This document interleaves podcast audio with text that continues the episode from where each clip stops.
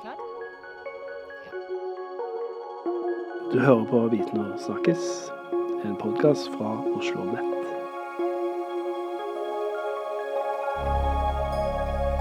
Velkommen til en ny episode av forskningspodkasten Viten og snakkes.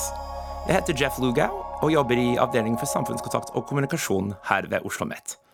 Og med meg har jeg en gjest, Alexander Schjøll. Velkommen til podkasten, Alexander. Tusen takk for å få være her.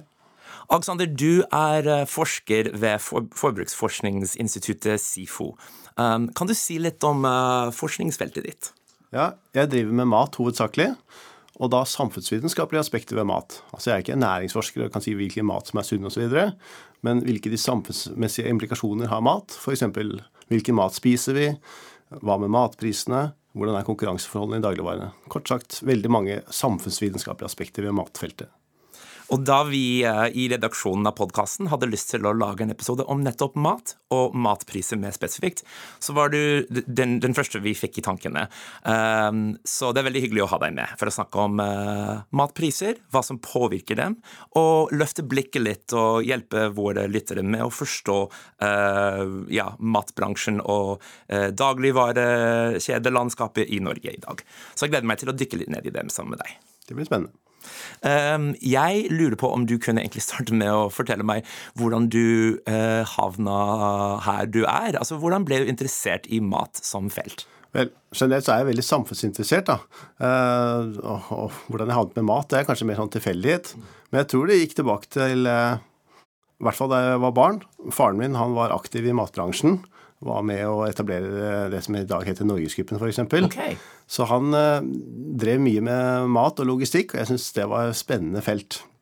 Og så var det sånn at eh, Da jeg gikk i tredje klasse på videregående, så, så i samfunnsfagstimen da skulle vi skrive en oppgave som handlet om påvirkning. Hvordan påvirker man samfunnet? Og jeg valgte da å se på en organisasjon som i dag heter Virke, men som den gangen het Handels- og Servicenæringens hovedorganisasjon. Det er den organisasjonen, arbeidsgiverorganisasjonen som hovedsakelig organiserer eh, dagligvarehandel. Jeg var så heldig å få intervju der eh, med en av sjefene for dagligvarehandel. Og det syns jeg var veldig spennende, fordi dagligvarekjedene på den tiden var ikke så mye studert. Dette var da tidlig 90-tall. Og jeg fikk høre hvordan de påvirket samfunnet. Dette med rammebetingelser. Det handlet om alt fra eh, ølsalg i butikk til eh, importvern. Jeg fikk stilt mange spørsmål om det, og syntes det var morsomt. Og jeg visste jo på den tidspunktet at jeg skulle bli samfunnsviter. Det var det eneste jeg visste. Jeg visste ikke hva samfunnsviter drev på med, men jeg skulle i hvert fall bli det. For det var, synes jeg var det mest spennende faget. Og, så jeg begynte da på Blindern på samfunnsfag. Og etter hvert som jeg kom litt oppover i systemet, så hadde jeg et uh, fag som het uh, næringsøkonomi på norsk, industrial organization på engelsk. Og det var et utrolig teoretisk fag som alt annet på Blindern. Vi lærte ikke så mye om hvordan denne teorien kunne anvendes. Så når vi satt i disse kollokviene uh, og diskuterte disse teoriene, dette var da teorier for konkurranse mellom bedrifter, så skjønte vi ikke så veldig mye hva dette hadde å si i praksis. Og jeg tenkte da at hm, vi er nødt til å ha noen praktiske eksempler, noen fra virkeligheten, til å bruke. Og da tenkte jeg ut hm, kanskje norsk dagligvarebransje kan eh, brukes som eksempel. Vi hadde da på den tiden fire aktører eh, hovedsakelig. Eh, og den, eh, det lave antallet paraplykjeder, altså aktører, det, gjorde at det var lett å koordinere seg og lett å anvende denne teorien som er skrevet for få bedrifter som konkurreres mot hverandre. Og det funket ganske bra å bruke den teorien i disse eksemplene. Og da, På slutten av et studie så kan man selvfølgelig skrive en masteroppgave. og Da valgte jeg å skrive om dagligvarehandelen, og helt presist av disse egne merkevarene. Eh, som gjorde det, da. Og den eh, masteroppgaven, den eh, syns SIFO, Forbruksforskningsinstituttet SIFO, var litt spennende, så jeg søkte jobb som Vittas der, og fikk det. Og siden der så har jeg da vært på SIFO. Ja. Yeah. På SIFO jobber du som forskningsleder. Um, fortell oss litt om uh, den gruppa du er forskningsleder for. Jeg er forskningsleder på SIFO uh, i den gruppen som heter Bærekraftig uh, mat og tekstilforbruk. Vil si at vi driver med alle aspekter, igjen samfunnsvitenskapelige, av mat og tekstil. Så hos meg så har vi da samfunnsforskere hovedsakelig som driver eh, med disse ulike tingene. Vi har folk som driver med matkultur, vi har folk som driver med eh, sunn mat, hvordan få folk til å spise sunnere mat. Men bærekraft er det gjennomgående i eh, vår seksjon. Hvordan få henholdsvis tekstil og mat til å bli mer bærekraftig. Før vi dykker ned i, i um, prisutviklingen innenfor matbransjen i Norge, som jo er hovedgrunnen til at vi hadde lyst til å spille en samtale med deg. Um, vi hadde, jeg lyst til å spørre deg litt om å ja, beskrive uh, bransjen og um, forbrukernes oppleve av dagligvarebransjen i dag. Um, hvordan er den organisert? Altså, du var inne på det med fire store aktører.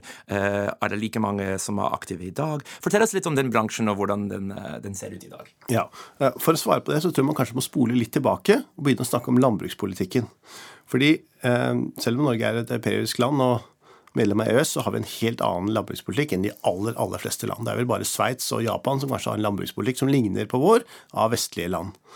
Eh, og landbrukspolitikken i Norge eh, går ut på å beskytte eh, norsk produksjon. Og Det gjør at vi har høyt tollvern, det er importforbud osv., som gjør at markedet blir veldig annerledes. Så ha det som et utgangspunkt. Men så, når vi da kommer til detaljistleddet, altså de som selger maten, så har vi i dag bare tre store aktører som har over 90% av markedet. Og Det er da Norgesgruppen, som har da Meny og Kiwi som sine store profiler. Så har vi Rema 1000 med Rema 1000 da, eh, og da Coop med alle disse forskjellige Coop-butikkene. Coop Mega, Coop Extra osv. Så, så det er med, andre ord en stor konsentrasjon i, eh, i bare noen få hender. og hvordan, hvordan, er det til sammenligning med andre land i Europa? Det er nokså likt. Eh, i Sverige så er det ganske likt. I Danmark så er det noen flere. Men der har f.eks. tyske Aldi de gir opp nå i løpet av neste år, 2024. Mm. Så vi har disse tre store aktørene uh, innenfor mat. Um, som forbruker uh, så møter vi um, uh, faktisk flere enn tre uh, ulike matvarekjeder.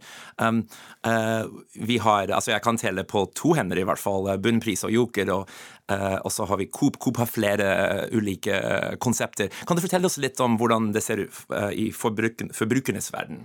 Ja, altså Disse konseptene de skal appellere ved ulike sider av oss. Det dominerende konseptet er lavpris. Og Det er jo da Ekstra, Rema og Kiwi. Og Disse butikkene den konkurrerer hovedsakelig på å være lav pris, men eh, på fagspråket kaller vi det soft discount. Dvs. Si at det er ikke ekstrem lav pris, sånn som vi kanskje finner i Tyskland med Lidl og Aldi, men det er lav pris relativt sett til de andre. Og så er det litt mer hva kan vi kalle det, triveligere butikker. Eh, eh, ved at de er litt større, eh, har bedre belysning osv. Det utgjør mesteparten av markedet. Og I motsatt ende av skalaen da, så har vi da supermarkedene. Det er da Jacobs, Meny og eh, Mega, som har veldig stort utvalg, men dermed også noe høyere priser. Men først og fremst har de også kanskje fagkompetanse. Du kan gå til en kjøttdisk og møte en butikkslakter, altså folk som har virkelig har fagkompetanse. I lavpris finner du ikke folk som har fagbrev. Til om det kan være flinke folk, for all del. Eh, jeg kan veldig kjenne meg igjen i mitt eget liv i de tre ulike konseptene. Altså, altså, jeg bor på Nesodden, hvor vi har en meny i gangavstand, hvor jeg kan møte uh, de som jobber bak kjøttdisken uh, og fiskedisken, og stille spørsmål, som du sier, og få tak selvfølgelig også i ferske varer. Og så er det ryddig der inne, og det er faktisk ganske mange ansatte, sammenlignet med den Coop-butikken, Coop Extra, som jeg også handler på, som er en slags mellomting. Og så er jeg selvfølgelig Joker på Aker Brygge, hvor jeg søndagshandler, fordi vi har ikke søndagsåpent liten butikk på Nesodden. Eh, og der er det minimalt med både komfort, plass og, og utvalg. Og, og, og, så er prisen faktisk noe høyere enn på de Eller ja, prisen er vel litt høyere til og med enn på Meny. Ja. Det er typisk eh, for Joki. De kan ha ofte høye, høyere priser. Men de baserer seg på det vi kaller sånn convenience, ved at de har åpningstider eh, som er veldig behagelige, spesielt av søndager. Og for å ha åpen på søndager, så må det jo typisk da være, det være en butikk under 100 kvadrat, en såkalt Brustadbu. Eh, og eh, Joker har satset veldig på det konseptet der. Jeg hadde lyst til å gå over på det med priser, eh, fordi det er det som forbrukere flest, som de aller fleste av våre lyttere, sikkert alle våre lyttere, legger merke til eh, når de er og handler. Og det er mange av oss, eh, både deg og meg inkludert, som har lagt, merke til som forbrukere at prisene har gått opp den siste tida. Um, før, vi, før, før, du forteller oss om hva som ligger bak den utviklingen, så lurer jeg på om du kan si litt om hvordan priser settes i matbransjen. Altså, ja, hvordan fungerer det egentlig? Ja, dette skulle jeg gjerne visst mer om. problemet er kanskje at du ikke vet så veldig mye om dette, men jeg kan prøve å gi et bilde likevel. Og det som er, er at verdikjeden for mat er veldig kompleks. Før eh, et produkt ligger i en eh, disk i en butikk, så har den vært gjennom mange ledd. Det starter jo hos da en primærprodusent. Det kan være en bonde, eh, hvis det er f.eks. kjøtt. Det kan være eh, en fiskebåt hvis det er villfanget fisk osv. Så, primærprodusenten er jo det som lager hovedråvaren. Og Så går det jo da kanskje til en foredlingsbedrift Eh, der det stykkes opp og pakkes osv. Og, så dermed går det til industrien hvis det skal bli mer ferdigmat. F.eks. en pizza kan du tenke deg er full av veldig mange råvarer. Alt fra grønnsaker til eh, brødvarer, som er deigen, og selvfølgelig da kjøtt, hvis man har det på. Og da er det en industriledd. Og dermed, etter det, så går det en til en grossist, altså et veldig stort lager der mottar alt mange typer varer. Og denne grossisten eh, frakter da maten videre til butikken. Så det er altså mange ledd eh, før eh, eh, varen havner i butikken. Og selvfølgelig, hvert ledd skal tjene penger. Dermed så blir eh, eh, matprisene både skal dekke da disse råvarene, arbeidskraften osv., men de må selvfølgelig også tjene litt penger. De må ha en det vi kaller en margin, altså en forskjell mellom hva det koster å ta inn, og det det koster å ta ut. Matpriser eh, har økt mye, og det har mange lagt merke til, særlig siden eh, den fullskala krigen eh, mot Ukraina begynte i februar i fjor. Um, hvorfor har prisene økt, uh, og er den økningen vi har sett uh, i Norge i våre butikker, uh, tilsvarer det den økningen man har sett i, i, i, noen av våre naboland? Ja. Krigen i Ukraina har vært dramatisk på mange måter, områder. Men hvis vi tenker da selvfølgelig på, på matprisene, så er det nok det at Ukraina er et veldig viktig eksportland for mange landbruksvarer. Det er for korn, og det er for rapsolje osv. Dette her er viktige ingredienser i svært mange matvarer. Så da når råvarekostnadene øker, ja, da må det tas ut i prisene. Hvis ikke så vil de som er i verdikjeden, tape penger. De er nødt til å ta ut eh, økte kostnader i form av priser. Og hvordan er dette sammenlignet med andre land? Vel, det er nokså likt. Veldig mange vestlige land importerer mat fra Ukraina, og dermed påvirket det verdensmarkedsprisen for disse varene som er fra Ukraina. Så Norge er ikke en særstilling sånn sett. På den annen side kan man kanskje si at dette importvernet som vi snakket om innledningsvis, at det har beskyttet oss litt grann, ved at eh, vi, større, eh, vi har mer toll osv. Og, så og dermed så har vi en litt større selvforsyningsgrad for noen av disse varene. Og dermed så har vi ikke sett en like dramatisk prisutvikling på mat som i andre land, f.eks. Sverige. Men jevnt over hele verden har blitt rammet av dette. Kanskje spesielt av fattige land, f.eks. i Afrika. Min, min, mitt inntrykk av uh, debattene som uh, utspiller seg i, i mediene, og, og uh, av samtalene som foregår rundt de tusen middagsbordene i hjemmene til folk i Norge, um, får meg til å tro at folk flest legger mye av skylden for prisøkningen på, på dagligvarekjedene. Det er de som man retter liksom, ja, i noen tilfeller sinnet sitt mot. og i hvert fall uh, vil holde ansvarlig for, uh, for, denne, for, denne, prisøkningen vi har sett. Regjeringen har nylig kommet litt på banen, eller kanskje mer enn litt. Det kan du hjelpe oss med å forstå. Hvilke grep har regjeringen, etter en del press og etter mye debatt i mediene og i samfunnet, nå satt i gang med? Ja, Regjeringen har vært veldig ivrig på å vise handlekraft når det gjelder dagligvarebransjen. Eh, denne regjeringen og mange tidligere regjeringer har blitt beskyldt for at eh, de har fått lov å styre sånn som de vil. Og nå sier man at nå skal man ta grep. Og Spesielt har man da laget en såkalt tipunktsplan eh, for å gjøre noe med dagligvarehandelen. Og akkurat det du snakker om, det er en såkalt marginundersøkelse Dvs. Si, kort, kort og greit, hvor blir det av penga?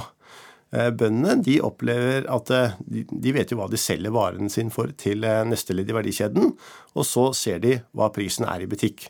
Og de mener at det er en stort mismatch mellom de to tingene. Derfor så har regjeringen bedt Konkurransetilsynet se på marginene, altså hvilken grad er det høyere fortjeneste i de leddene som dagligvarebransjen kontrollerer, versus de som de ikke kontrollerer.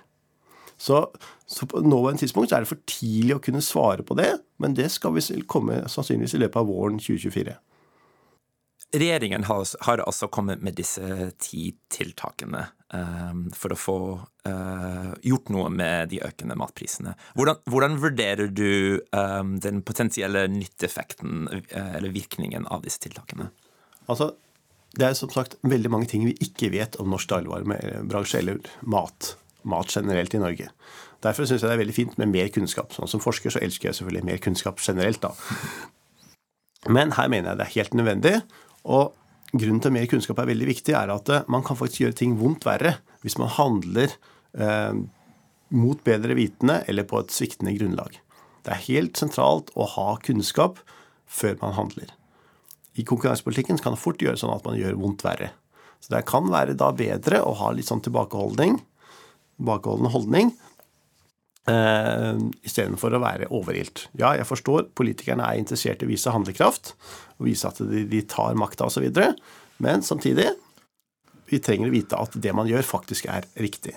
Og noen ting som regjeringen har foreslått, har på sin tipunktsplan, syns jeg er veldig fornuftig. Og da er det først og fremst denne marginundersøkelsen som da Konkurransetilsynet skal gjøre. Den er veldig etterlengtet. Og den tror jeg blir veldig bra. Det er bare Konkurransetilsynet som har myndighet til å gjøre dette, ved at de kan gå inn og se på regnskapene til aktørene. Det blir veldig spennende. Samtidig er det andre ting som jeg syns de skal også ha ros for å få gjort. Og en av disse tingene som har vært mye debattert, er dette med såkalte konkurranseklausuler for butikklokaler. I Norge så har vi ekstremt mange butikker per eh, person. Mange flere enn f.eks. i Sverige. Ja, det har selvfølgelig noe med å gjøre hvordan vi bor. I Norge bor vi spredtbebygd, og dårlig vær og dårlige veier kan gjøre at det er eh, vanskelig å reise til butikken i nabobygda. Og Da har man sett at det, det finnes sånne ulike klausuler, såkalte servitutter, som gjør at det, eh, en dagligvarekjede kan si at en konkurrerende dagligvarekjede ikke får lov å være i samme kjøpesenter osv. Det er sterkt konkurranseskadelig.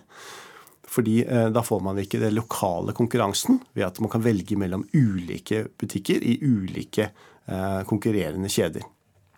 Og Det ser ut til å bli en forbud, eh, forbud mot nå. og Næringsministeren var i desember ute og sa at det vil han slå hardt ned på hvis han ser at det fortsetter. Det tror jeg vil, virkelig vil hjelpe, og gjøre det også lettere for mindre uavhengige butikker å nå opp.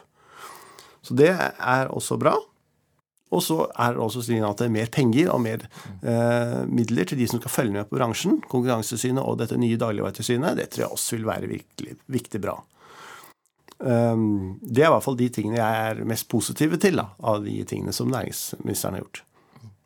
Er det, er noen ting i den, i den tiltakspakka som du er eh, mer skeptisk til? Vel, det er i hvert fall noe som er litt uklar virkning av.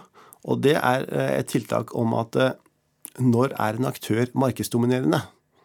Hvor stor skal en aktør være før eh, den kan være det? Det er litt vanskelig å svare på. Altså, hvis en aktør er stor, så betyr det jo selvfølgelig at noen andre er mindre. Og det kan være vanskeligere for eh, nyetablering. Samtidig, i Norge så er stordriftsfordeler veldig viktig. Fordi vi har så mange butikker, og vi bor så spredt osv. Det betyr at det kan være vanskeligere å oppnå stordriftsfordeler, og det i seg selv kan gi høyere priser. Derfor så er jeg kanskje litt skeptisk, eller i hvert fall litt undrende, til dette tiltaket. Det syns jeg bør, bør utredes nærmere før man konkluderer på. Siden vi har deg i studio, eh, så tenkte jeg å eh, løfte blikket litt, eh, zoome litt ut, og stille deg et par spørsmål om, som jeg tenker mange av våre lyttere kanskje har stilt seg selv, eller stilt, stilt andre, som handler om mat. Um, mat uh, har vi alle sammen et eller annet forhold til. Mange av oss uh, tilbringer ja, flere minutter eller til og med timer hver uke i, i matbutikken. Uh, liker vi det eller ei? Altså, jeg klager, og mange andre klager, over de høye prisene. Og ikke minst fordi jeg også reiser en del til utlandet og sammenligner norske priser med priser i andre land. Så eh, mat Ja, mat har blitt dyrere i Norge, men er mat egentlig dyrt i Norge?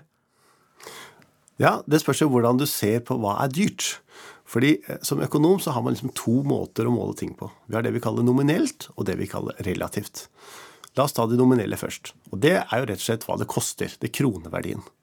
Og det er lett å se. Sammenligner et produkt i Norge, typisk da kjøtt, så er, koster det mange flere kroner i Norge enn f.eks. i Sverige. Sånn sett er maten dyr i Norge. Men kanskje et bedre mål er det relative målet.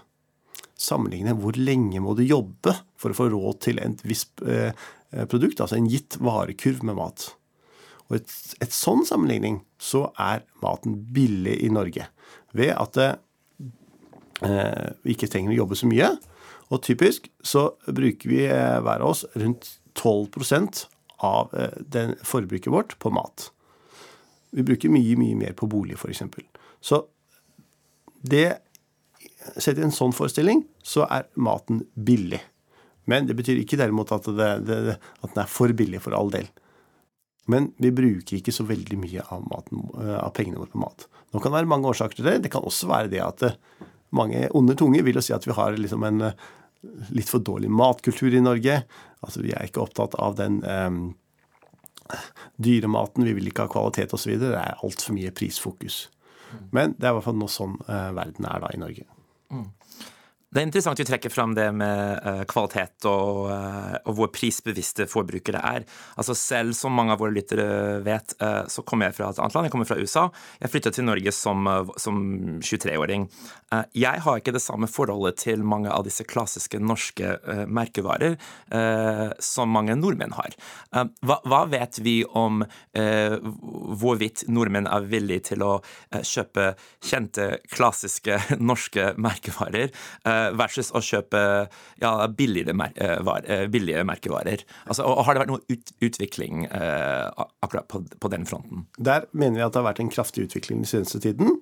Og generelt har vært, nordmenn vært veldig merkevarelojale. Og det henger da gjennom med landbrukspolitikken. Fordi at vi har blitt beskyttet på en annen måte, så er det da typisk da de merkevarene som har blitt beskyttet, som har stått sterkest. Men i de siste årene så har det vært en kraftig vekst i dette såkalte egne merkevarer, eller EMV. Og disse eh, har vi jo ikke hatt noe tradisjonelt forhold til.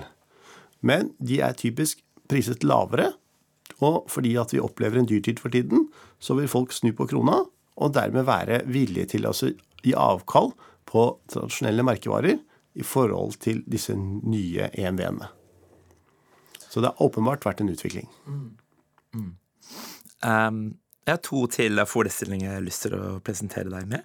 Uh, det første var, uh, handler om kvalitet. Uh, igjen, for å trekke på mine, mine, egne erfaringer, så kommer jeg fra land i USA, hvor landsbrukssektoren bruker Jeg tror jeg kan si dette med hånda på hjertet, bruker mye mer tilsetningsstoffer og antibiotika og uh, den type ting i maten uh, enn det jeg tror den gjør i Norge. Hvordan, uh, hvordan er kvaliteten, hvordan er forekomsten av tilsetningsstoffer og antibiotika i, i, norsk mat? Altså Nordmenn tror én ting, men stemmer det? Er det så rent og, er det så rent og sunt som vi tror? Ja, altså, det vi i hvert fall kan si ganske så enkelt, er dette med antibiotikabruk. Den er sannsynligvis lavest i hele verden. Mm veldig lav antibiotikabruk. Og det skyldes at vi har veldig god dyrehelse. Så i motsetning til mange andre land så uh, bruker vi ikke antibiotika som en sånn føre-var-tiltak, som en slags vaksine. Bruker det kun når det faktisk er behov for det. Det er svært viktig i den verden vi går inn i nå. Det er, det er stor fare for antibiotikaresistens. Og da uh, er det viktig å kun bruke antibiotikaen når det faktisk er behov for den, ikke som et føre-var-tiltak. Når det gjelder tilsetningsstoffer, syns jeg det er vanskeligere å svare på det. Men EU-regelverket er jo, eh, som vi typisk følger i Norge, det er mye strengere enn det amerikanske. Den siste forestillingen jeg har lyst til å presentere deg med, det var eh, Det, det er ikke noe alle tror, eh, på ingen måte, men satt litt på spissen. Har vi reell konkurranse i vår dagligvarebransjen med så få aktører? Eh, eller, eller hadde vi vært bedre tjent med flere aktører, eh, eventuelt også fra utlandet? Ja, det, det, er mange innganger til dette her. Vi kan jo da starte med økonomisk teori. da. Og økonomisk teori kan vise at det kan være veldig god konkurranse selv med bare to aktører i visse tilfeller. Og hvilken grad det er oppfylt i, Norge, ja, det vet vi kanskje ikke godt nok. Kjedene selv sier at de konkurrerer som busta fyker, og noen av dem føler allerede at de sliter. Jeg vil si at det er nokså god konkurranse, spesielt på pris. Men samtidig så opplever vi jo at lavpriskjedene har mer eller mindre de samme prisene. De er nokså koordinerte på prisene. Så det er en priskonkurranse der, men den kunne kanskje vært enda bedre eh, ved at det var en større utvalg osv. Så, videre. så, så det er åpenbart mulighet for en større konkurranse. Og så da med dette utenlandske aktører. Ja, vi har ingen utenlandske aktører i Norge i dag. Det er eh, veldig spesielt i forhold til resten av Europa. Vi har hatt eh, flere. Siste som måtte gi opp, sånn, i hvert fall i større skala, var jo Iceland, som kom fra England. Er Iceland borte nå?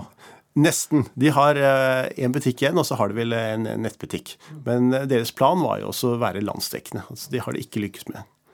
Og de skyldte jo bl.a. på ulike innkjøps innkjøpspriser. Og det eh, kan være da det største ankepunktet mot konkurransen i Norge, ved at de store eh, blir sagt at de har mye bedre innkjøpsbetingelser enn de små, og følgelig så starter de foran i løypa, kan man si. De kjøper varene mye billigere, og følgelig så er det mye lettere å få til lønnsomhet. Avslutningsvis, så håper jeg at du kan uh, dele noen spådommer med oss. uh, hvordan vurderer du at prisutviklingen i dagligvarebutikkene vil, vil, utspille seg i 2024? Det, jeg skjønner at det er en, en del usikkerhet knytta til dette, men hva kan vi vente oss neste år ut fra, ut fra det du ser? Ja, altså for det første er det slik at eh, matprisen skal generelt oppover, dessverre. Og Det skyldes at det blir, virker som, stadig mer krig og konflikt, men først og fremst pga. klimaendringene. Det blir vanskeligere å få til mat og større usikkerhet. Usikkerhet er dumt, fordi det gjør at mm, typisk små aktørene da, de vet ikke hva som skjer. De ser at prisene svinger, de må ta en slags usikkerhetsmargin. Men så lenge krigen i Ukraina eh, pågår, og selv om de får til noen korneksport osv., så, videre, så eh, kan nok prisen øke av det. Men kanskje det aller viktigste, i hvert fall på norske forhold, det er jo dette med rente og kostnadsutviklingen generelt. Vi må jo håpe og tro at Norges Bank klarer å få gjort noe med inflasjonen, og da vil det også påvirke matprisene. Og hvis kostnadene eh, generelt ikke vokser på samme måte som nå, spesielt av energiprisene, så tror jeg nok vi får en kostnadsvekst på um, dagligvarer neste år også, men i mye mindre grad enn det vi har sett i år. Og med det setter vi en strek. Alexander Kjøll, takk for at du var med oss i dag i studio. Veldig spennende å snakke med deg om matpriser og mat generelt. Jeg har lært en hel del masse. Tusen takk for at jeg fikk komme. Og til deg som hørte på, takk for at du var med oss i dag. Dette er første gangen vi filmer eh, en innspilling i tillegg til å spille inn lyd. Og det innebærer at du kan finne denne samtalen eh, på YouTube-kanalen til Oslo OsloMet. Um, har du heller lyst til å høre på denne i podkast-feeden din, sånn som du har pleid, så er det selvfølgelig helt fint. Men nå har du altså muligheten til å følge med eh, på episodene våre uh, på YouTube i tillegg. Takk for oss, og ha en fortsatt fin dag. Du hører på Viten og snakkes, en podkast fra Oslo Nett.